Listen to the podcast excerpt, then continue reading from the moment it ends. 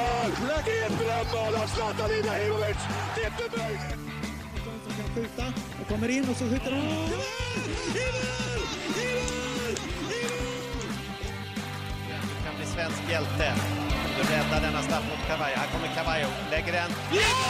Han räddar!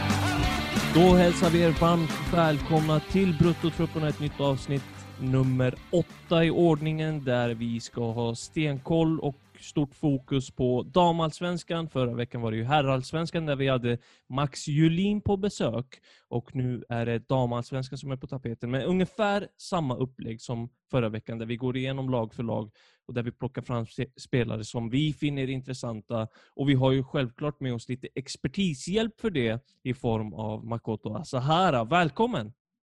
Tackar! Hur är läget? Jo då, det, det är bra tycker jag. Det är fullt upp med, eh, ja såklart damallsvenskan är ju igång nu. Det är ju två omgångar in. Serien har väl inte satt sig riktigt men har ju börjat sätta sig. Eller kommer att sätta sig. Det är ju mycket nu och sen, sen är det dessutom all internationell fotboll också med slutspurten där ute i Europa. Vi har ju ett eh, glödet Champions League-slutspel både på herr och damsidan som man följer med stort intresse. Så att eh, mycket fotboll just nu. Ja, de flesta vet ju vem du är. Du jobbar ju på Sportbladet och följer som du säger den mesta fotbollen. Så, men du har störst fokus på damallsvenskan, eller hur? Ja, i år så är ju min roll att just ha extra fokus på just eh, damallsvenskan. Då. Så det är ju en serie som man har fått så man har fått jobba upp liksom expertisen. Jag ändå, känner jag ändå gått väldigt fort, för det är en serie som är väldigt välkomnande att göra det i också. Att det är, det är klubbar som är lätta att ha att göra med, klubbar som vill att man, man liksom jobbar med, som vill informera, som vill synas. Så ur det, det perspektivet så har det varit en väldigt, väldigt rolig uppgift på så sätt också. Att det, det har varit roligt i alla fall att komma in i det och man känner verkligen att man har gjort det också. Mm, mm. Kul. Eh, Konrad, du är också med här idag, hoppas jag? Yes, precis. Och, eh, det som är roligt är ju att eh, Makoto även har varit på eh, damlandskamperna, väl, om jag inte minns helt fel. Så... Jo, precis. Nu senast i alla fall. Här, ja. ja, precis. Nej, men eh, så att eh, du har ju också fått se de fantastiska, eller den fantastiska matchen mot USA som jag tyckte var väldigt rolig, eh, faktiskt för att vara en träningsmatch. Eh, så om du tittar tillbaka på den så ser jag den som faktiskt mer underhållande än, än Zlatans comeback mot Georgien. Där, så. Zlatans äh, comeback mot Georgien var väl inte så jättemycket att hänga Nej, precis. Nej, men om någon av de matcherna, någon av de matcherna, så alltså, tänkte jag att den faktiskt höll en betydligt högre nivå. Så ni som missar den, ni missar verkligen någonting. Det var ett Sverige som verkligen bara alltså, stängde butiken på ett väldigt imponerande sätt att det där funkade på det sättet. Och sen är det de där matcherna mot USA har ju en speciell touch också. Och nu lottades man ju samma OS-grupp dessutom, så att ännu en gång i USA som väntar i sommar. Mm. det var lite Stockholmsderby över det, så det är i stunder liksom. Det jag tyckte var häftigt här, jag och Konrad snackade om det innan vi tryckte på räck, eh, var att jag eh, tror vi hade uppemot 890 000 tittare på SVT eller något sånt, eh, Sverige, Sverige, USA det är skithäftigt att det är så. Alltså, att intresset fortsätter öka för, för um, damfotbollen. Eh, du Makoto, hur skulle du säga att da, alltså, intresset kring damfotbollen ser ut idag eh, kontra för, ja, men, för mig tog det fart alltså, sommaren 2019 med VM. Eh, skulle du säga att det var lite av ett här, startskott för dagens intresse? Alltså startskott skulle jag väl egentligen inte kalla det, utan snarare någonting som liksom påskyndar processen. Mm. Eh, alltså, det, det, växer ju hela tiden och det intressantaste sättet det växer på om man tittar liksom över hela världen idag, det är ju det här med att de etablerade stora klubbarna på herrsidan har börjat fatta att okej, okay, vi behöver satsa även på damsidan, för det finns en marknad där också. Och man ser ju, titta på Champions League-slutspelet i år, om du tar de, de fyra lag som är i semifinal nu när Lyon har åkt ur för första gången på Ja, de har ju vunnit fem raka Champions mm. League-titlar. Lyon har varit helt dominanta. De har inte gått att stoppa.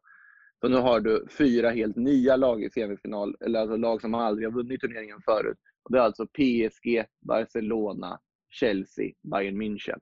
Mm. Det, det börjar likna herrsidan. Sen vad man tycker om det, det är en helt annan sak. Det är såklart att det finns en charm i att lag som Rosengård eller om man ska ta andra länder, Turbine Potsdam till exempel skulle dyka upp och gå långt. Eller Umeå i början på 2000-talet och deras storhetstid. Såklart det finns en charm där, men för intresset i allmänhet sett i den försprång som herrsidan har haft, så såklart att det är, det är jätteviktigt att de här storklubbarna går in. Och nu har vi väl sett lite av den effekten i Sverige också. Eh, BK Häcken-historien, ja, det var väl inte riktigt så att det var bara att ja, nu går vi till BK Häcken, utan det fanns ju väldigt mycket rörigare detaljer där som vi inte behöver gå in på närmare här. Då. Mm. Eh, det, det räcker bara att googla på Kopparbergs Göteborg i Sportbladets arkiv så hittar ni nog det mesta om den historien. Men eh, att de till exempel nu har ett lag, vi har Malmö och Göteborg som har startat upp på, på annan väg och valt en egen väg, en längre väg. Vi har tre Stockholmslag uppe i högsta serien i AIK, Hammarby, Djurgården och får den derbykänslan man märker att det är lite mer fart och fläkt kring det. Man märker att det, folk, folk alltså det, är, det är mer folk som intresserar sig för det också. Det är, det är en logisk utveckling skulle jag säga. Men jag skulle säga att VM 19, det var nog snarare någonting som påskyndar processen snarare än starta processen. För processen hade ju startat även långt innan det. Mm, mm. Så är det ju. Uh, och, uh, ja, det, det, är som du säger, nu är vi två omgångar in i damallsvenskan och pulsen kring det hela är mycket högre än vad det har varit tidigare år. Mycket högre. Det känns som att det går uppåt för varje år. Liksom. Och, och i år eh, med alla de här tre Stockholmslagen och allt vad det innebär eh, i divisionen och så, känns det som att ja, men, det hetar än på bra länge. Liksom, så. Eh, men, men i övrigt, hur känns det att damallsvenskan har rullat igång för din del eh, med, med jobbet och allt sånt? Ja, men det, är ju, det är ju kul med matcher och bara att få gå på fotbollsmatcher är ett privilegium i sig i de här tiderna om man får säga så. Mm. Eh, så att ur den aspekten så är det ju jättekul att det är igång och att vi har matcher nu. Sen, sen kommer ju sommaruppehållet, sen då har vi ett EM och sen har vi ett OS. Så att det, det, blir ju väldigt mycket fotboll. Man ser ju inte riktigt någon, någon ledighet på horisonten om vi säger så med tanke på hur säsongerna kör på fram till, och fotbollen kör på fram till liksom november, december. Eh, nej, ja, men såklart det är jättekul. Mm, mm. Konrad, du eh, hade några frågor som du ville bolla upp här innan vi går in på lagen. Eh, vill du köra? Ja men absolut. Jag, jag tänker bara spontant eh, de här första omgångarna, vilka, vilka spelare som har imponerat på dig i damallsvenskan? Och då kanske framförallt eh, svenska spelare då, i och med att det är en landslagspodd. Eh, ja, det är typiskt nog så första namnet som dök upp i huvudet är ju inte en svensk landslagsspelare, men det tåls att nämnas ändå att eh, jag vet inte om ni har hört om Sveindis Jane Jonsdottir, den isländska supertalangen som Kristianstad fick in här nu till eh, den här säsongen. Det var ju mycket snack om henne även innan säsongen om att det här är en riktigt spännande spelare med riktigt spännande egenskaper. Liksom målskytt, anfallare, ganska lång också, har liksom tagit egenskaper, spelsinne, långa inkast, allting. Och sen att ja men absolut, det här, det här är en jätteintressant spelare att följa, men ingen hade ju trott att hon skulle gå in på det sättet hon har gjort och bara ta sig an den här serien. En helt ny serie. Jag har bara spelat i Island förut på en klart lägre nivå. Men har nu gjort två mål och en assist på två matcher och eh, varit totalt tongivande i Kristianstad. Otroligt eh, häftigt att följa. Men om man ska ta ett svenskt landslagsperspektiv så är det ju ett annat nyförvärv som verkligen imponerat och det är ju Olivia Skog. Som verkligen visat hur bra den här flytten till Rosengård var för henne. Både för henne och både för också för Rosengård på att hon bidrar med någonting som inte riktigt fanns i den klubben innan. Alltså hon, hon fyller en funktion som kanske saknades för så hon har den här alltså edgen Alltså de två målen hon gör mot Hammarby i helgen. Jag vet inte om ni har sett dem. Det är helt det. otroligt. Alltså. Ja, det är, det är helt... två gånger om. Högsta hyllan. Ja, ja. Och den formen, den, det är en form som kan leda hela vägen till en svensk OS-trupp. Mm. Den, och den kan leda Rosengård hela vägen till ett SM-guld också. Så de, de hon har imponerat något enormt. Sen såklart, Häcken har inte glimrat. De har det har varit lite färdigt, men de har sina två tre poängare. De har sina två nollor på Jennifer Falk bakåt, som Mm. också inte gjort ett misstag hittills. De har Filippa Angeldal som var väldigt tongivande här i mötet mot Växjö senast. En landslagsmittfältare vi också pratar om en hel del också aktuell för en OS-trupp. Så att det är ju, ja, och sen Stina Blackstenius kom igång med målskyttet här direkt nu också och såg väldigt vass ut mot Växjö. Så att eh, för Peter Gerhardssons del, för förbundskaptenen, så har det nog varit en ganska trevlig start på säsongen när han ser väldigt många tilltänkta namn faktiskt leverera här redan från liksom startskottet.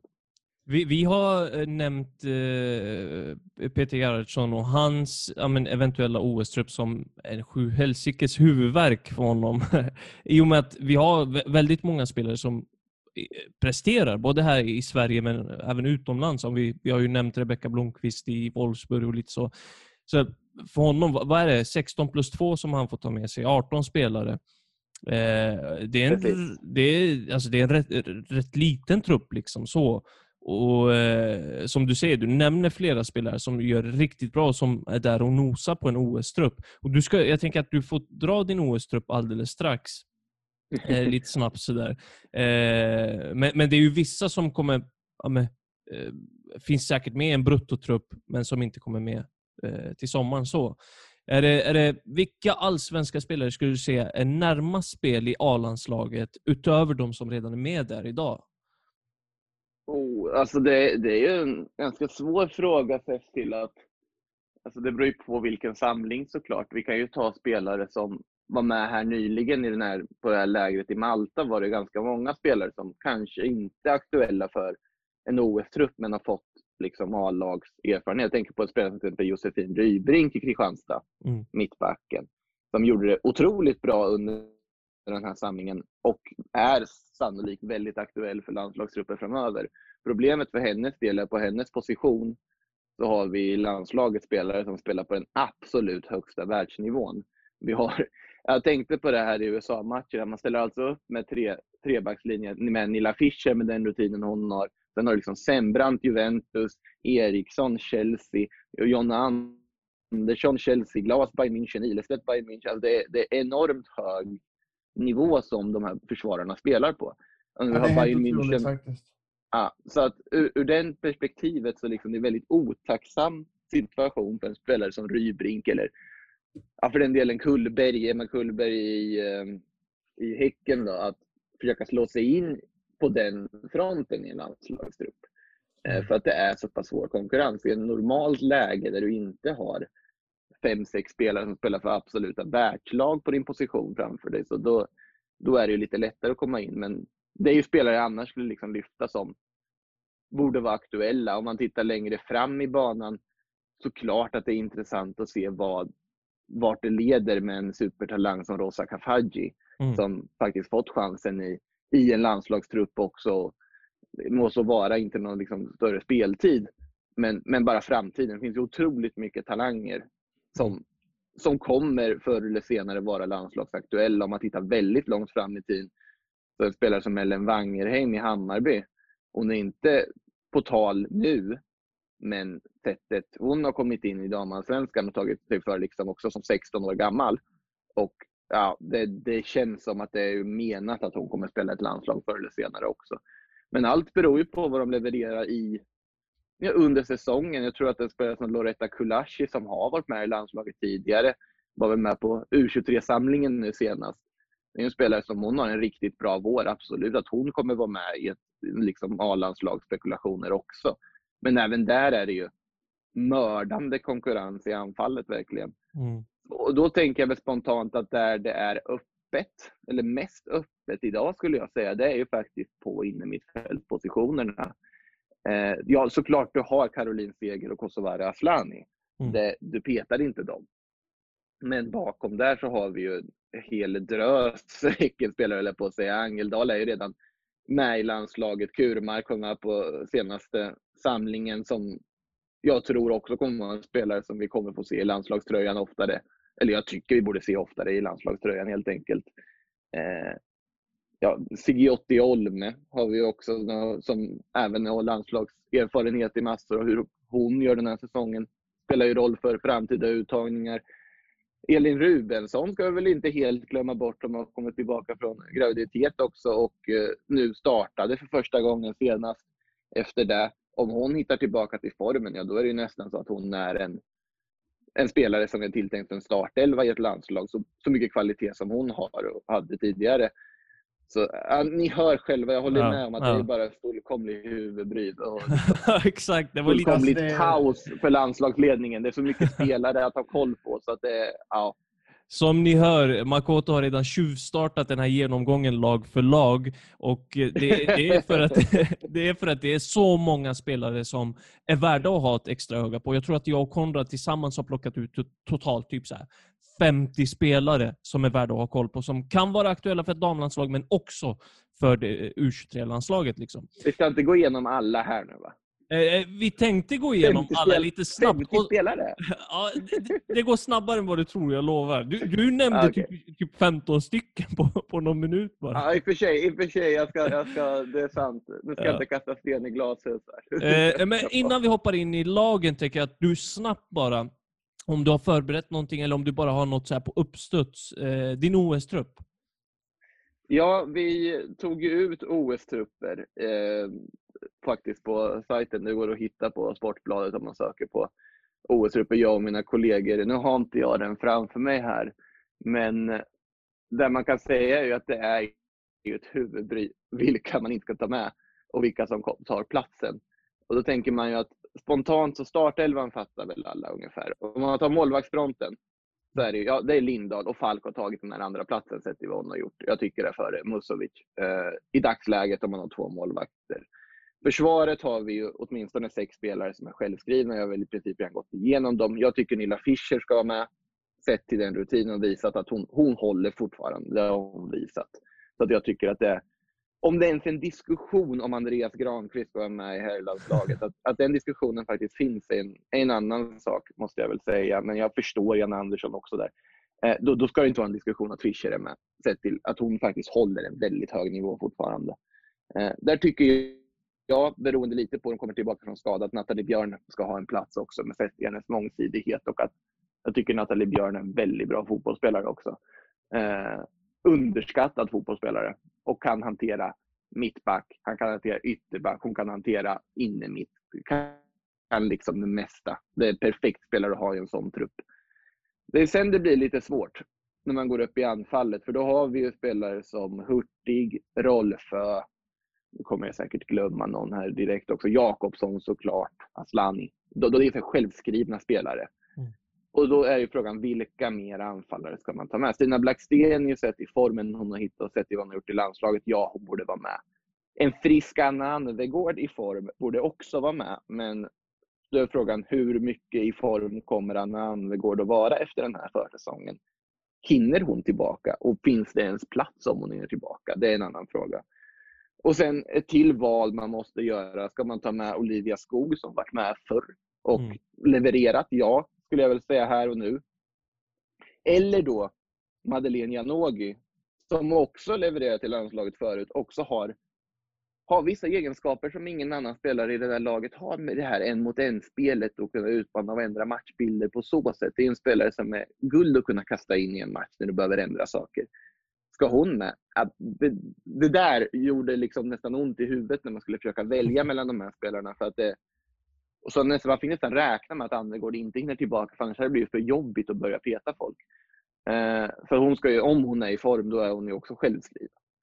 Eh, mittfältet är ju lite annat eh, huvudbry då. Men där tog jag väl, det var väl det konst, eller konstiga, men det var väl det överraskande valet jag gjorde i den truppen som publicerades. Och det är att Filippa Kurmark tycker jag ska åka med. Sett till hennes bollvinnaregenskaper, sett till alltså hennes mångsidighet som mittfältare. Att hon då, Angeldal också med ska tilläggas, att Kurmark skulle kunna vara en sån spelare man plockar in när du behöver stänga en matchbild. Ifall du spelar den här fembackslinjen, att du kanske tar ut Asllani, eller flyttar upp Asllani och sen får lite mer stabilitet där på mittfältet i form av Kurmark. Jag tror att det är en speltyp som hade, som hade kunnat gynna truppen under, en, under ett OS. Eh, och jag tänker att vi hoppar in direkt i AIK, Konrad. Eh, vad har vi plockat fram där? Ja, nu ska vi faktiskt eh, betona det här bara att nu snackar vi inte om att den här spelaren ska vara med i OS-truppen Mm. utan nu tänker vi kanske på ett års sikt eller ännu mer. Så då har vi eh, identifierat Adelisa Grabus då ju, som är din eh, favoritspelare grabbe. Favoritspelare vet jag inte. Jag, Ja, hon gjorde ju 25 mål här i Elitettan i fjol. Eh, och en anfallare av rang liksom, som, som, som kan skapa oro för, för vilket försvar som helst. Så. Eh, men eh, sen har vi också plockat fram en spelare som du redan har nämnt här, Makoto. Och det är Rosa, Fakaj, eh, Rosa Kafaji. Eh, och eh, ja, men det- här är väl ett spelare som Adelisa kanske inte kommer vara aktuell för damlandslaget med tanke på att konkurrensen är stenhård. Men det finns, finns en chans, ser jag, eh, om, om hon fortsätter på, på samma väg som hon gjorde i fjol. Vad, vad säger du, Makoto? Alltså till att börja med så AIK måste ju hitta rätt i damallsvenskan till att börja med innan, innan de spelarna kanske är aktuella. Kafaji har ju jag nämnt lite på också den extrema potential hon besitter och också där att jag blev väldigt imponerad när jag såg AIK här mot eh, Linköping senast av just Kafaji som gjorde sin första allsvenska match från start. Att det, man märker att det är, det är en speciell spelare det där på hur, hur hon tar sig an dueller, hur hon liksom det djupledshotet också. Alltså förmågan att liksom lägga in en väldigt bra press. Det fanns, det fanns mycket som, som, var, som var intressant där och hon har ju redan alltså varit med i en A-landslagstrupp och det är ju också en ganska tydlig markering från landslagsledningen att det är en spelare de tror på till fortsättningen också.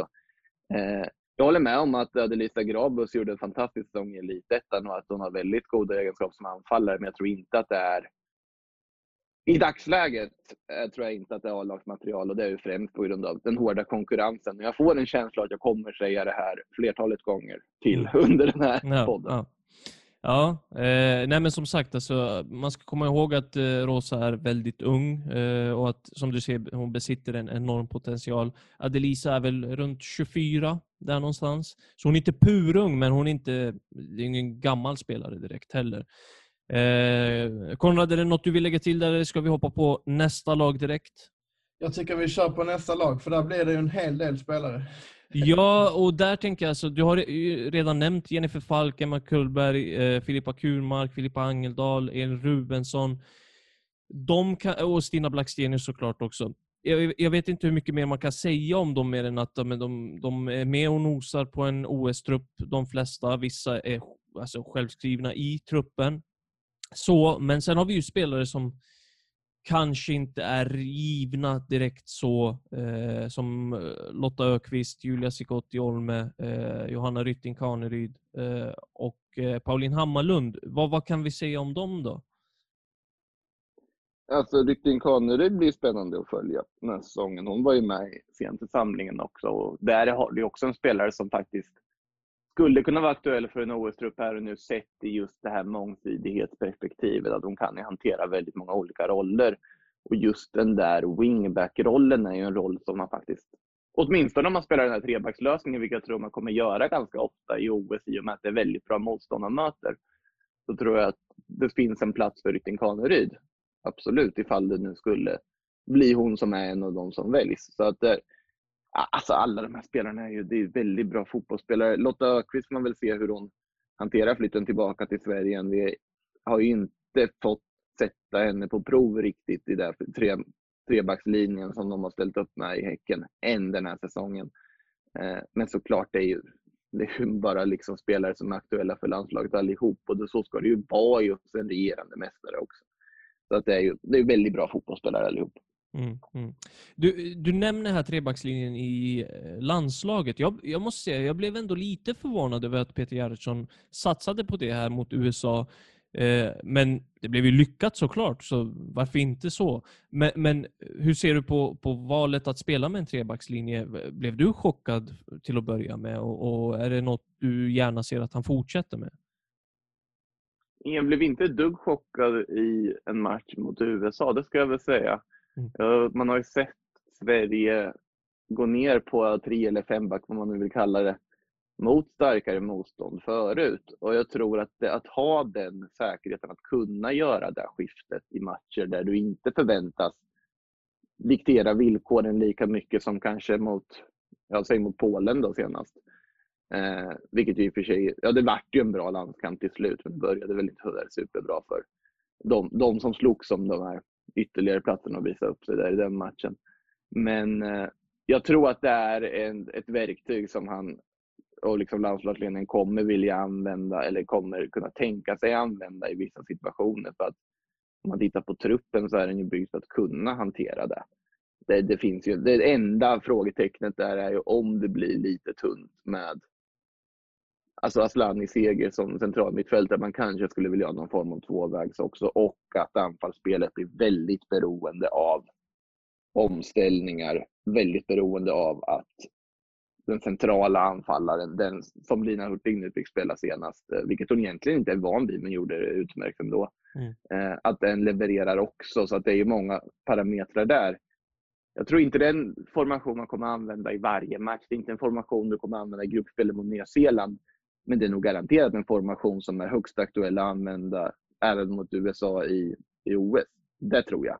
För att det blir i lägen där det mycket handlar om riskminimering som är en av Sveriges stora styrkor så, så är, känns det rimligt att spela där för du får också in väldigt mycket rutin och säkerhet bakåt. Och med de mittbacksalternativen som finns så känns det som ett absolut ett, ett gångbart system att använda när det behövs.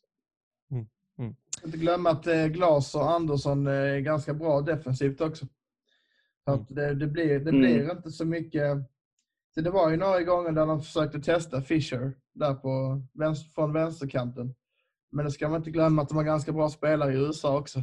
Så att det, eh, det var ju liksom inte KIF Örebros U19 som de hade stängt ut, utan det var ju liksom bästa av de bästa på vissa positioner i alla fall. Att det var en bra test. Med det sagt, KIF Örebros U19 är jättespännande, ska, ska sägas, för att lägga in det. jo, absolut, men jag menar på en global kontext kanske.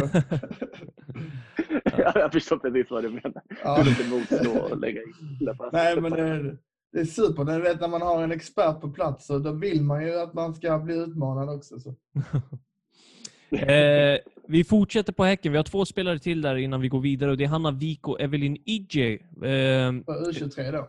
Ja, U23 exakt. Eh, och Evelyn Ije bland annat som Eh, hennes pappa känner nog många igen. Det är Peter Ije som har spelat i Allsvenskan, spelat i Syrianska bland annat och lite sånt. Hon har gjort fem mål eh, i U19-landslaget och är en spännande spelare att ha, eh, ha koll på. Jag tror att hon är 19 år gammal om inte jag är helt ute och cyklar. En ung förmåga. Va, va, va, vad ser du, hur ser du på de här spelarna, Makoto? Ja, men det är ju Alltså, alla lag i den här serien har väldigt många spännande talanger och Häcken är inget undantag. Det är väl lite så jag ser det. Sen i Viks fall så tänker man ju hur mycket det blir med speltiden där när Kaneryd har kommit in, när hon har fått in Anna Siki där också. Det finns ändå möjlighet på att Vik kan spela både till vänster och höger i den här wingbacksrollen. Det är ju en spelare de tror på väldigt mycket i framtiden också. Eh, kommer ju säkert fortsätta ta kliv och IG är ju samma sak. Det är ju inte lätt att slå sig in i det där laget. Så att innan man börjar tänka på liksom landslagsplatser på de mer framskjutna landslagen så gäller det att försöka ta en plats, liksom, att få speltid i damallsvenskan. Det är väl det första steget där. Mm. Mm. Snyggt! Eh, Konrad, fortsätt. Djurgården. Ja, där har vi inte kommit fram till att någon är jätteaktuell för A-landslaget som det ser ut just nu. Men däremot så tycker jag, det här är en av de damspelare som jag faktiskt har, har följt på nära håll från Malmö tidigare och det är Nelly Lilja som, som vi, eh, jag tycker borde vara med framöver här i U23 också för att hon, hon är ju en, en eh, så på en gång i tiden så spelade hon på alla mittfältspositioner när hon var ung, men nu spelar hon mest in i mitten och, och eh, precis som jag skulle, skulle tänka mig att man skulle kunna jämföra lite grann med eh, med eh, Filippa Kurmark. Men, men där ser jag en, en spelare som kan bli bra eh, på sikt. Hon har ju spelat i Limhamn Bunkeflo också i Allsvenskan tidigare. Så där har de gjort en bra värvning. Eh, och sen har vi också som du har eh, identifierat, Gabbe, Tilde Lindevall för U23-landslaget i framtiden kanske här? Ja, det här är ju en eh, bollbegåvad spelare som eh, kan, både kan spela ytter och anfallare. Jag gjorde fyra mål i fjol och har över 20 U-kamper. Eh, så alltså, mer än så vet jag inte hur mycket, hur mycket man kan säga egentligen. Det, det, är väl de här två spelarna som vi har plockat fram i Djurgården. Och där är väl tanken att eh, Makoto får bidra med sin expertis om, om, om det är någon man ska addera eller om han till och med vill plocka bort de här.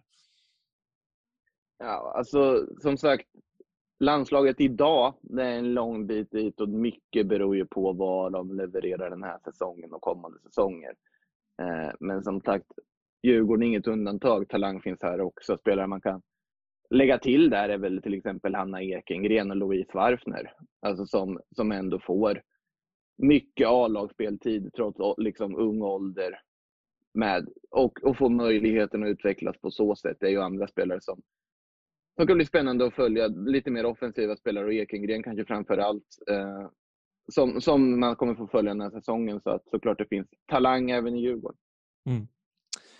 Vi hoppar vidare till Eskilstuna United där vi har plockat fram två spelare som eventuellt, kanske inte till en OS-trupp, men eventuellt kan bli aktuella för ett damlandslag på sikt. Och om vi börjar med Emma Holmgren som eh, Ja, det är ju stenhård konkurrens på målvaktsposten. Hon var ju med här senast eh, när eh, Zecira Musovic inte var med i truppen. Nej, Nej, förlåt. det var förlåt. Hedvig som- Eh, Hedvig Lindahl som, som inte var med i truppen. Eh, Musovic startade ju mot eh, Polen. Eh, Emma Holmgren kom in där. Eh, hur, om vi ser, ser på konkurrensen, hur högt håller vi Emma Holmgren i förhållande till övriga målvakter som vi har i, i, i det svenska landslaget? Eh, finns det överhuvudtaget någon möjlighet att hon tar en plats till OS? Alltså inte till OS, inte med, inte om Lindahl, Falk och Musovic är friska. Det, det finns ju inte. Men Emma Holmgren är ju en av seriens absolut bästa målvakter. Det råder ingen tvekan om. Eh, och att Eskilstuna har gjort en supervärvning där, det råder inte heller någon tvekan om. Alltså man undrar ju hur det hade gått för Uppsala om de inte haft Holmgren tillbaka förra säsongen. De Lite så. åkte, de åkte ur med dunder och brak oavsett, men det hade ju kunnat bli ännu värre om inte hon hade räddat dem var och varannan match också. Eh, det är en fantastiskt duktig målvakt och har varit under jättemånga år. Eh, så att såklart hon är ett namn även för framtiden. Fortfarande ett namn för framtiden får man säga. Hon har ju varit med ett tag också. Eh, men alltså det är inte en OS-trupp nu, men det är ju absolut landslagstruppmässigt framöver. Så är det ju. Hon är ju dessutom bara 23, om jag inte minns helt fel. Så att, Ja men precis, det jag menar, hon har ju fortfarande, hon har ju varit med jättelänge för hon slog ju igenom när hon var väldigt ung. mm. Men eh, fortfarande ändå, Sen också vara en målvakt som verkligen framtiden för sig också. Mm, mm. Eh, sen på dam eller A-landslagsfronten så har vi ju plockat fram Anna Oskarsson med tanke på att hon ja, men, har meriter från A-landslaget. Hon har väl spelat fem eh, landskamper har jag för mig.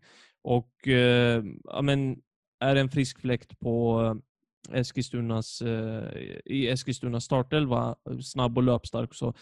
Hur ser vi på Anna Oskarssons framtid? Ja, alltså det är också en spelare som, som liksom som har potential att kunna slå sig in och diskuteras in i liksom landslagsuttagningar framöver, absolut. Så hon har börjat säsongen väldigt starkt där och Eskilstuna i sig har jag varit väldigt imponerad av. Eh, där är ju kanske framför allt dock, tänker jag, alltså vad, vad hittar Loretta Kulashi på den här säsongen? Mm. Eh, för där, där finns det också, hon har också varit med i landslaget tidigare och där, det känns som det finns någon, någon sorts revanschlusta i hela det här Eskilstuna från förra årets ja, den placering de fick då var ju inte riktigt vad de hade önskat. De ska ju vara på den övre halvan. De har trupper att vara på den övre halvan. Jag tycker det ser ganska bra ut det som, det som pågår där just nu inför, inför den här säsongen. Då. Eh, där har vi ju, det finns ju massa spelare att lyfta såklart. Men mm. om vi ska ta, ta någon som jag imponerats av under, under de här två första matcherna, väldigt litet eh, urval att göra allt djupgående analyser av. Men eh, Felicia Saving som de har fått in på mittfältet eh, visar ju riktigt intressanta egenskaper. Alltså har, jag, jag tycker ju om så här mittfältare som har, verkligen har spelsinnet, som kan tänka utanför boxen och kan göra det, slå de här lite oväntade genomskärarna och så vidare. Och Saving verkar ju ha de kvaliteterna. eh, verkligen tagit för sig när de kommit upp här och fått chansen efter flytten från Hammarby. Då. Så att det är en spelare, men nu tittar vi långsikt såklart. Men det, det är en spelare jag gärna vill lyfta i alla fall. Ja, och Felicia Saving har vi ju skrivit upp också som ett U23-alternativ. Hon gjorde ju en jättefin säsong här med Hammarby eh, Mm. i fjol och många alltså, tenderar att glömma bort henne i och med att hon kanske inte alltid hittade in i målprotokollet på det sättet. Det var ju Emilia Larsson och Emma Jansson i första hand som, som gjorde målen för Hammarby. Men Felicia Saving från sin mittfältsposition var ständigt ständigt bidragande till att ja, Hammarby plockade hem tre poängar och så. Eh, I övrigt så, alltså kring Anna Oskarsson så får man ju se hur hon klarar sig den här säsongen. Hon har ju eh, haft lite problem med psykisk ohälsa eh, genom åren. Jag tror att det var i fjol hon kom ut med det också. Så får vi se hur det går där lite grann. Hoppas på det bästa såklart.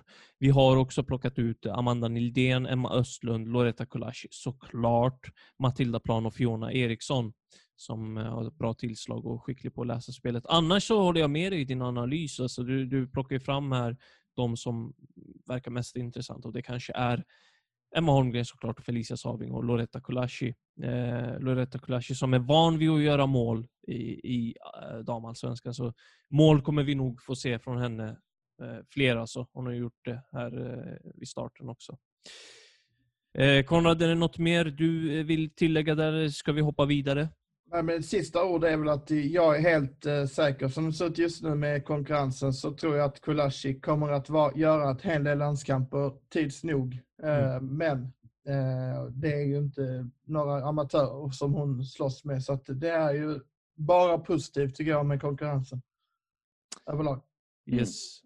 Kör vidare på Rosengård. Eh, yes, du har ju redan nämnt ett par stycken av de här. Du har nämnt Nathalie Björn och Anna Anvegård, om jag inte minns helt fel.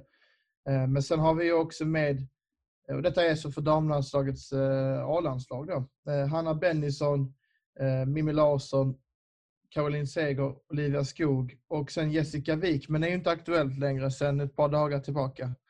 Då hon har blivit gravid, om jag inte minns helt fel. Så att, eh, men annars så tycker vi väl att det finns här en sex, sju riktigt bra spelare som kan vara med i landslagstruppen. Bra att du nämnde Bennison där också såklart. Hon är högaktuell och hon är i en trupp med. Ja. Eh, ska ju sägas med. Till OS då pratar vi redan nu. Mm. Alltså sett ju vilken stor talang det är. Ja, Hon, var, hon gjorde ju jättefina assist mot Polen om jag inte minns helt fel. Så. Hon spelar en lite mer offensivt lagd roll där än vad hon Mm. kanske är van vid annars. Eh, men vi får väl se. Hon har ju varit lite in och ut ur startelvan också i, i Rosengård. Så att, Uh, ja, eh, alltså här nämner vi ju en hel del spelare som vi redan har pratat om och som kanske inte behöver någon närmare presentation så. Alltså det, det här är ju spelare som på många sätt har etablerat sig i både damallsvenskan men också i damlandslaget. Men just Hanna Bennison vill man väldigt gärna stanna kvar vid och, och bara lyfta ytterligare. Alltså, jag och Konrad har ju slagit fast att hon är Sveriges största talang alla kategorier, inte bara eh, dam. Liksom. Alltså det här är en, en talang att verkligen att följa. Eh, blev ju eh, världens största talang enligt gold.com eh, på damsidan så, men hon har en blick för spelet. Hon, hon är eh, bra med bollen, du vet det här drivet med bollen, där hon har bollen nära fötterna hela tiden och spelar moget ofta. Även om såklart, alltså åld- åldern gör sig påmind ibland, men, men det, här är, det här är en spelare som, som kommer växa till en världs, världs, eh, världsspelare. Eh, ja, alltså det, det, var, det var inget så här liksom, det var inget svårt ni slog fast. Alltså, Nej, lite så. det var lite liksom eh, eh, uppenbar grej kanske. Sen är ju det liksom snarare frågetecknet där. Det är ju alltså, är hon idag tillräckligt bra för att vara självskriven i en OS-trupp? Och där är ju mitt svar kanske inte. Mm. I och med att hon ändå haft, hade en relativt tufft 2020 och har varit lite in och ut ur startelvan som jag nämnde. Är det tillräckligt och är hennes insatser tillräckligt på den ni- nivån att hon ska vara självskriven i OS-truppen? Det vet inte jag. Sen har hon vissa egenskaper som innermittfältare som skulle göra sig väl till hands. Men om man får välja, säg att valet står mellan Hellne och Angeldal idag, så tar jag Angeldal till en OS-trupp. Men såklart, Bennison är en, är en helt enorm talang. Det är, det är inget snack om saken. Tänker jag något som spelar bredvid Caroline Seger som är, skulle nästan kunna varit hennes mamma. Men det kanske syns på planen ibland också. Men, eh, nej men där, där så, det är egentligen, får, framtiden får ju utvisa hur mycket vi får se, men tänk ändå hur mycket hon har varit med. och Hon, är, hon har ju inte ens fyllt eh, 19 än, så att eh, det är faktiskt eh, någonting i hästväg. Men eh, snabbt bara innan vi går vidare, vad tycker du om Mimmi Larsson? Ja, Jag tycker det är en, väl, alltså jag, det är en forward jag gillar. Det är en väldigt bra alltså målskytt. En renodlad målskytt. Sen är problemet att hon inte riktigt haft marginalen och inte riktigt hittat målet den här säsongen än. Men det är ju en anfallare som vet vart målet är benäget, som är en av de absolut bästa djupledslöparna i serien, tycker jag. Eh, alltid tyckt de varit väldigt bra och alltid gjort väldigt bra matcher ofta man, man tittat tidigare och, och jag också har landslagserfarenhet. Men hon måste väl komma igång med just den här målproduktionen för det är ju hennes grej att göra just mål. Eh, det har hon inte riktigt gjort än den här säsongen så vi får väl se om det lossnar för henne här framöver också. Men väldigt bra forward såklart. Ja, hon är ju från Tor- Torsby IF, precis som eh, Sven-Göran Eriksson och Marcus Berg, om jag inte är helt ute och cyklar. Så att, eh, Helt annan speltyp än Marcus Berg dock. det kan man nog säga. De, de är duktiga på anfallare, verkar det som. ja, det får Mm. man ju säga. Yes, vi går vidare till Hammarby så ska vi hinna igenom alla lagen också. Vi har ju nämnt Madeleine Janogy och jag vet inte om vi behöver säga så mycket mer där egentligen, men vi har ju fler spelare där som jag tycker är värda att lyfta upp och det är Hanna Lundqvist, Emilia Larsson, Emma Jansson och Ellen Wangerheim. Och om vi börjar där jag slutade, Ellen Wangerheim, alltså eh, jag vet att jag har nämnt typ Kevin Jakob i, i IFK Göteborg på här sidan som kommer in och är respektlös och, och, och du vet, vågar spela sitt spel, skiter fullständigt i vem han har på andra sidan och lite sånt. Ellen Wangerheim är detsamma på damsidan, fast en nivå högre. Alltså, hon, hon är med från start för Hammarby i damallsvenskan, som ett, ett lag som precis har kommit upp till damallsvenskan och är- är hur ung som helst, kommer in, visar noll respekt gentemot motståndarna och bara kör. Det, det här, alltså, hon kommer ju ta hela Sverige med storm. Jag vet att vi pratar om Hanna Bennison, men jag tycker att hon här också besitter en enorm talang. Ja, det är, det är bara att hålla med alltså på, på det att liksom Wangerheim även här under försäsongen också skrev in sig i målprotokollet ganska ofta. Mm. Känns som att de passar in i det här Hammarby på ett ganska bra sätt dessutom. Och ska ju komma ihåg, hon hade en hel del speltid även i Elitettan förra säsongen, men kommer nu in på liksom damallsvenska scenen och eh, Ja, det, det, det är en väldigt, väldigt stor talang. Så att det, det finns ju oerhört mycket potential och det känns som en spelare som kan göra skillnad för Hammarby redan nu vid eh, ja, 16 års ålder och bara det är ju enormt imponerande. Så att om allt vill sig väl, om det fortsätter på det här sättet så känns det ju som att det är en framtida landslagsspelare självklart. Mm. Sen tänkte jag på Emilia Larsson och Emma Jansson. Eh, Hur långt ifrån en blågul tröja är de? Alltså jag, jag tycker, de har ju spottat in mål i Elitettan båda två. Och jag tycker att de är ju- riktigt bra alltså. det är ju en stor skillnad också på Elitettan och damallsvenskan. Och det är ju där vi kommer på något sätt få svaren på under den här säsongen. Emilia Larsson var väl med på U23-samlingen här Mm. nyligen också. Så att, och men det var ju också en fantastisk försäsong som låg bakom det. Eh, jag tror inte de är, alltså då ska det till att Hammarby gör någonting helt enormt om de ska vara A-landslagsaktuella. Då, då, det, det ser ju inte jag just nu. Även om det är extremt duktiga, liksom målfarliga, nyttiga fotbollsspelare båda två. Då är det ju snarare Lundqvist där på högerbacken som är ett framtidsnamn, som du nämnde där också. Mm. Eh, var ju med i truppen till Malta-samlingen. Har väldigt stor potential också. Man pratar väl kanske inte lika mycket om henne som Wangerheim just nu i och med att Wangerheim är en offensiv spelare och Lundqvist är inte riktigt... Ja, Lundqvist är ju uppe och petar i motståndarnas straffområden ändå liksom från sin Mhm. wingbacks roll. Så att, ja, det, de, det finns väldigt mycket talang. Hammarby har det väldigt gott ställt på ungdomssidan också här. Eller liksom på sätt till lovande spelare. Och sen är ju spelet i sig lovande också. Det ska bli kul att se vad de hittar på hemma mot KIF Örebro här nu när de får möta ett någorlunda mänskligt motstånd istället för Rosengård och Häcken som de har fått inleda säsongen med. Eh, skulle se, kul att se vad Hammarby kan göra då. Mm, mm. Hammarby, man ska ju säga det också att de ligger på noll poäng efter två spelade matcher, men man ska komma ihåg att de har mött Häcken och Rosengård. Det, det är inte, det är ju inte de lättaste lagen att spela mot speciellt. Med tanke på att de är eh, tippade att ta guld båda två. Eh, eller ett av dem alltså. Eh, men på tal om KIF Örebro. Jag tänker att vi hoppar in på det laget direkt och där måste jag och Konrad erkänna att vi inte har bra koll utan där lämnar vi över taktpinnen direkt till dig. Och nu, nu pratar vi alltså landslags... Ja, nu, jag kan väl säga att man ska lyfta, lyfta spelare i allmänhet i KIF Örebro så. Alltså Nathalie Hoff Persson är en spelare jag alltid tyckt har varit riktigt bra. Nyttig mittfältare, liksom, innermittfältare. Har liksom den här djupledskapaciteten, spelsinnet, drivet. En väldigt, den är det inte, det är inte A-landslag naturligtvis här och nu, men det är en, spelare som är värd att ändå följa. Eh, I övrigt i Örebro, ja. ja. Det finns ju många unga spelare som tar kliv framåt som ska bli spännande att följa. Jag tänker en spelare som Pelgander till exempel som fått en hel del speltid, framtiden framför sig. Om Karin Lundin gör massa mål, ja vem vet, men det är ju inte heller liksom A-landslag vi pratar då kanske riktigt. Men Örebro i sig är ju ett intressant lag sett till alltså den, att det är ett väldigt spelande lag. De har velat bli ett väldigt spelande lag och har ju fått in eh, Rickard Johansson, gamla Sylvia-tränaren, liksom, som är på något sätt fostrad i IFK Norrköping-tänket. Eh, så, så de vill ju verkligen spela fotboll i Örebro och kommer vara väldigt trevliga att titta på.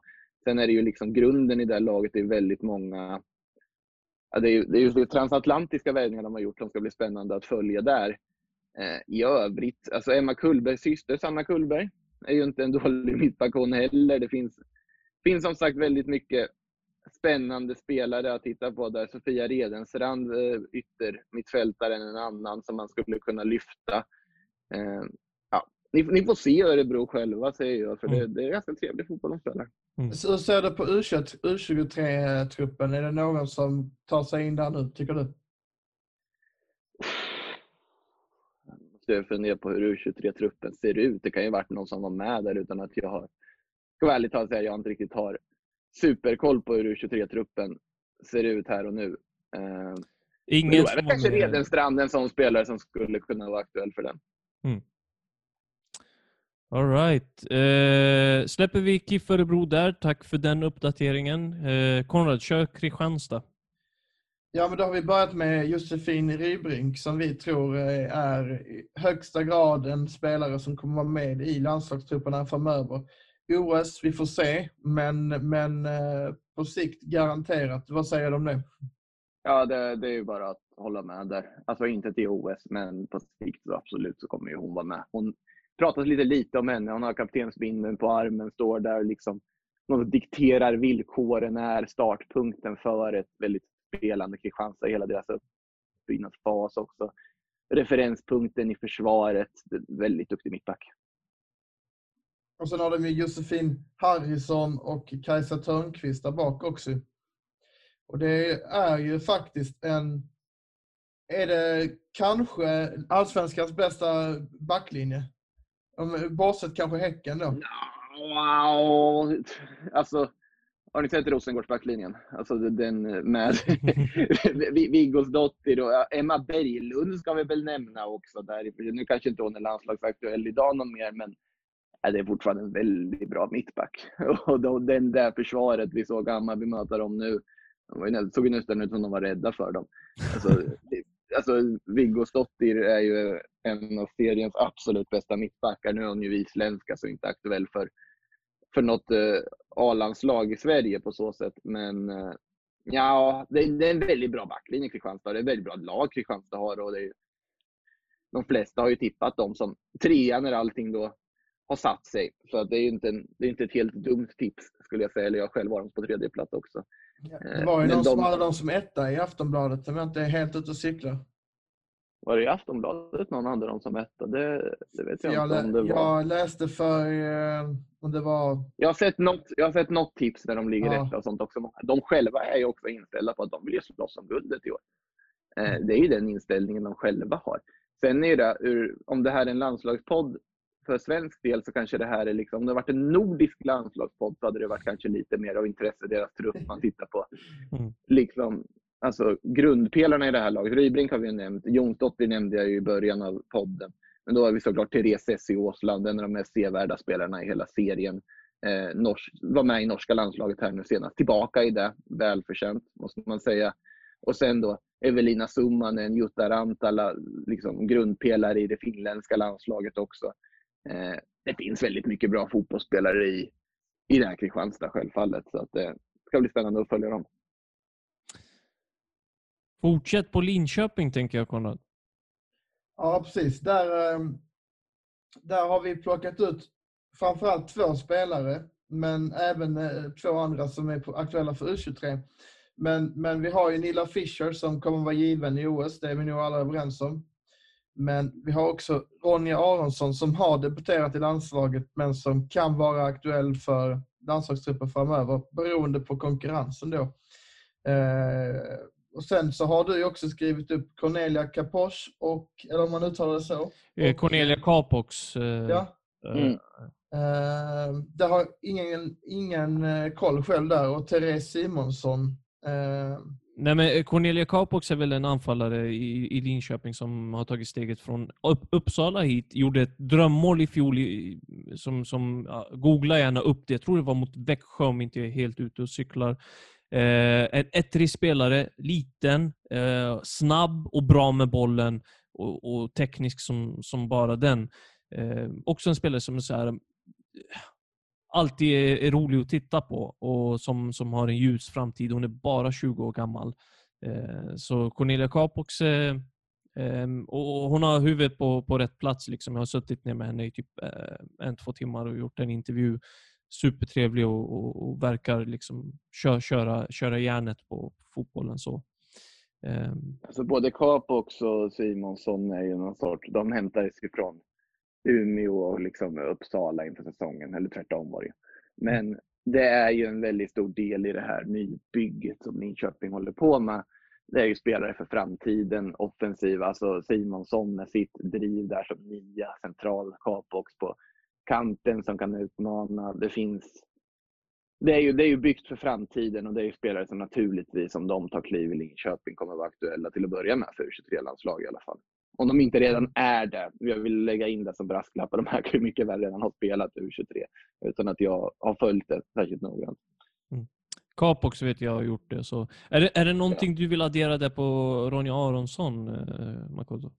Ja, det är en ganska underskattad ytterback som man kanske inte pratar om så ofta. Men eh, såklart, det är ju det är en stabil ytterback. Som, så om, och allting har ju återigen att göra med vad gör de under den här säsongen, vilka fortsatta kliv tar de.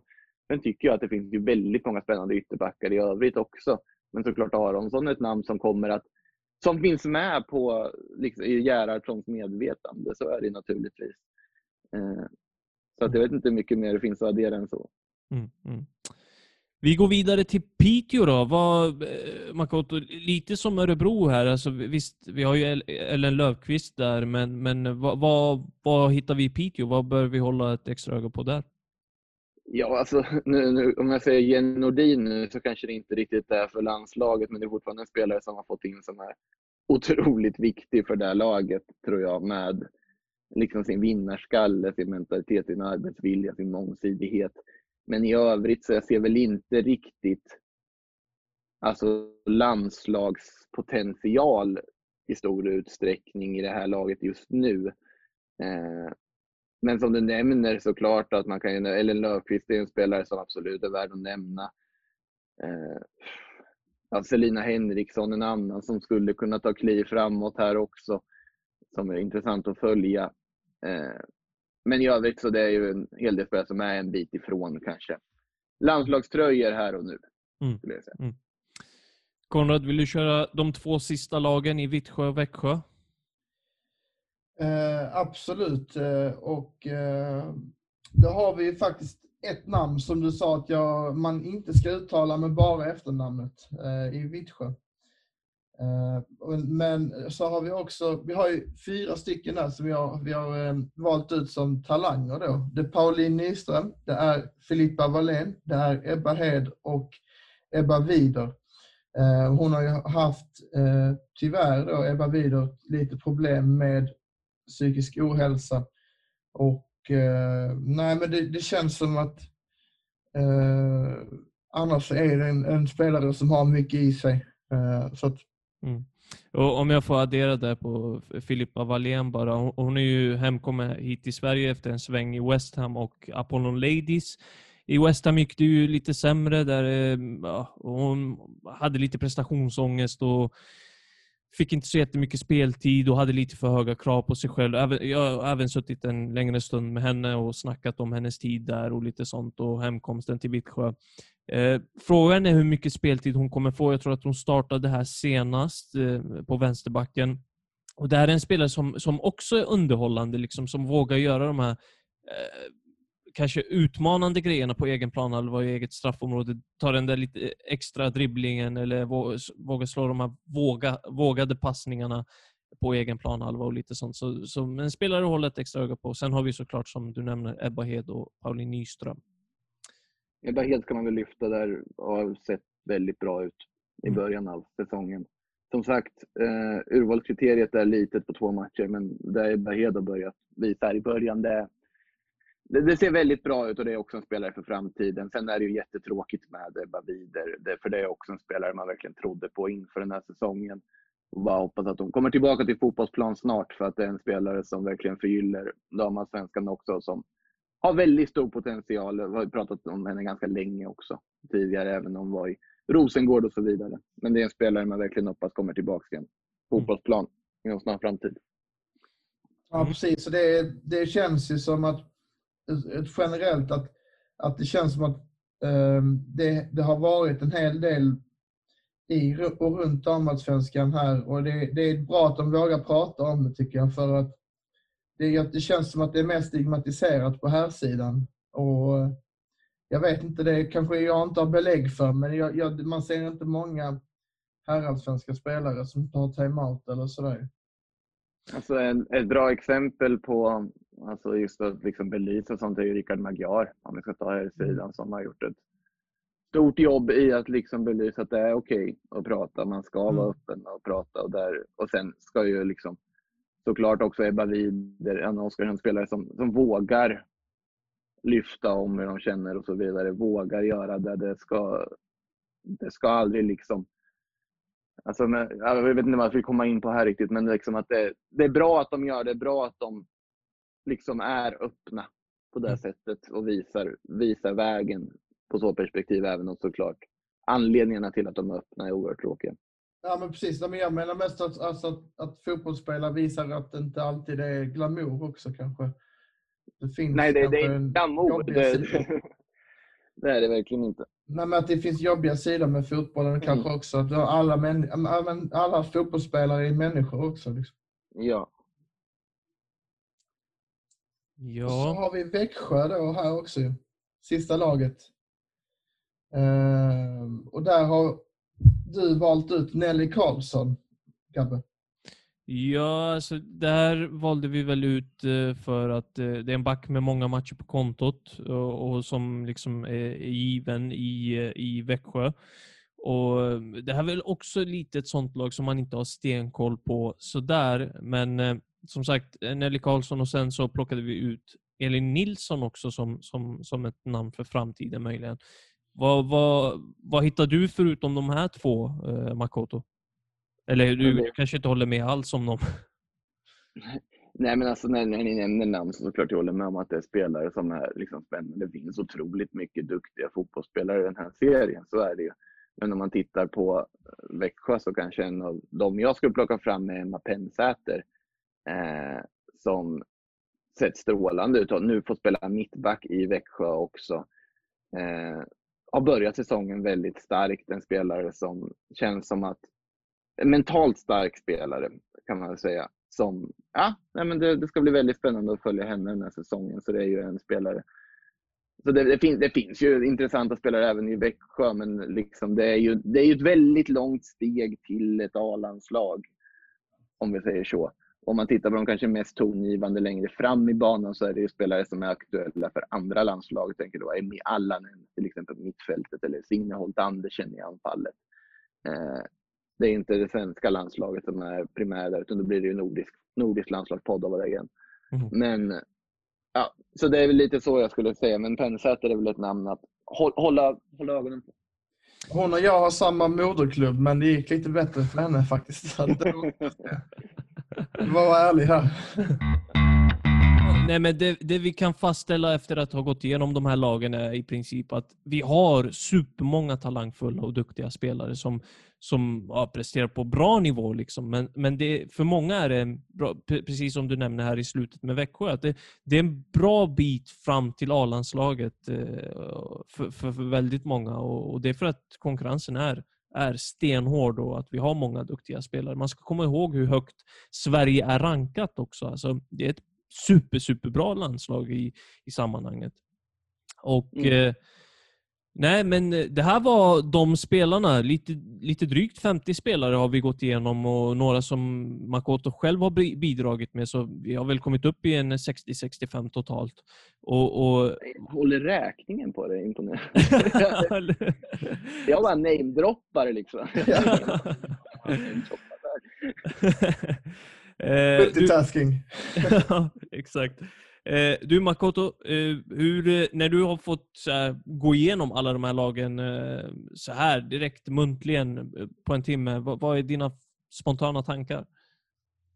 Spontana tankar ska bli kul med eh, omgång tre här till helgen nu. Är väl, för min del så blir det ett besök till Kanalplan för Hammarby, KIF Örebro på lördagen och därefter så blir det en liten avstickare till Eskilstuna för United mot eh, FC Rosengård. Så att det blir en väldigt, väldigt intressant helg som följer och för er som inte kan göra avstickare till Eskilstuna och inte får gå ut på arenorna. Inte sagt på något sätt med någon stöddighet, men Sportbladet Play är det som gäller. In och skaffa ert abonnemang för att få se alla de här spelarna vi har pratat om. Där fick jag in lite reklam också, mitt Mm. inne i podd. Som Makoto säger, ni vet, eh, eh, nu vet ni var ni kan se matcherna. På Sportbladet kan ni också läsa Makoto. Eh, han skriver om och rapporterar om damallsvenskan. Men kom också ihåg att han är en riktigt jävla bra kommentator. Vart fan har du gömt det? Du, det här drog ju igång i fjol när du körde Copa del Rey va? Ja, alltså det roliga är att jag, jag kom ju in på lite av ett bananskal på det där kommenteringsspåret på att vi, vi hade lite försäsongsmatcher. Jag gick in och körde expertkommentator då på, det är ju spanska fotbollen är ju den som jag egentligen liksom har varit expert, om man får säga så, liksom innan, under flertalet år. Eh, och så, så satt jag som expertkommentator och sen så ville jag testa på ändå, så fick jag chansen. Första matchen jag kommenterade var faktiskt Uppsala-Hammarby i sista omgången av Elitettan. Gången Uppsala gick upp till eh, damallsvenskan den säsongen. Mm. Eh, så den, den fick jag kommentera då själv på plats, eh, helt ny liksom i det. Och sen på den vägen har det gått och sen Copa del Rey-rättigheten som hamnade i huset, den, den vart man inte ledsen av direkt att den hamnade hos Sportbladet, om du säger så. Mm. Så att det är på det spåret. All right. Du Makoto, tusen tack för att du kom hit och gästade oss i Bruttotruppen. Jag tycker att vi har fått en eh, riktigt bra bild av damallsvenskan, även om det har, två omgångar in så ser vi det lite grann som en inför damallsvenskan. Det är ju många Ja, matcher li- det är ju fortfarande så. Vi har fått lite svar i början, men inte helt fullgoda svar än kanske. Som sagt, tack så jättemycket och tack för att ni har lyssnat. Eh, tack för att ni har varit med under avsnitt åtta. Nytt avsnitt nästa vecka. Här har vi plockat upp och plockat ner damallsvenskan inför och under eh, den pågående säsongen. Häng gärna med nästa gång så ser vi tack en gång Makoto och lycka till med säsongen som kommer. Tack själv.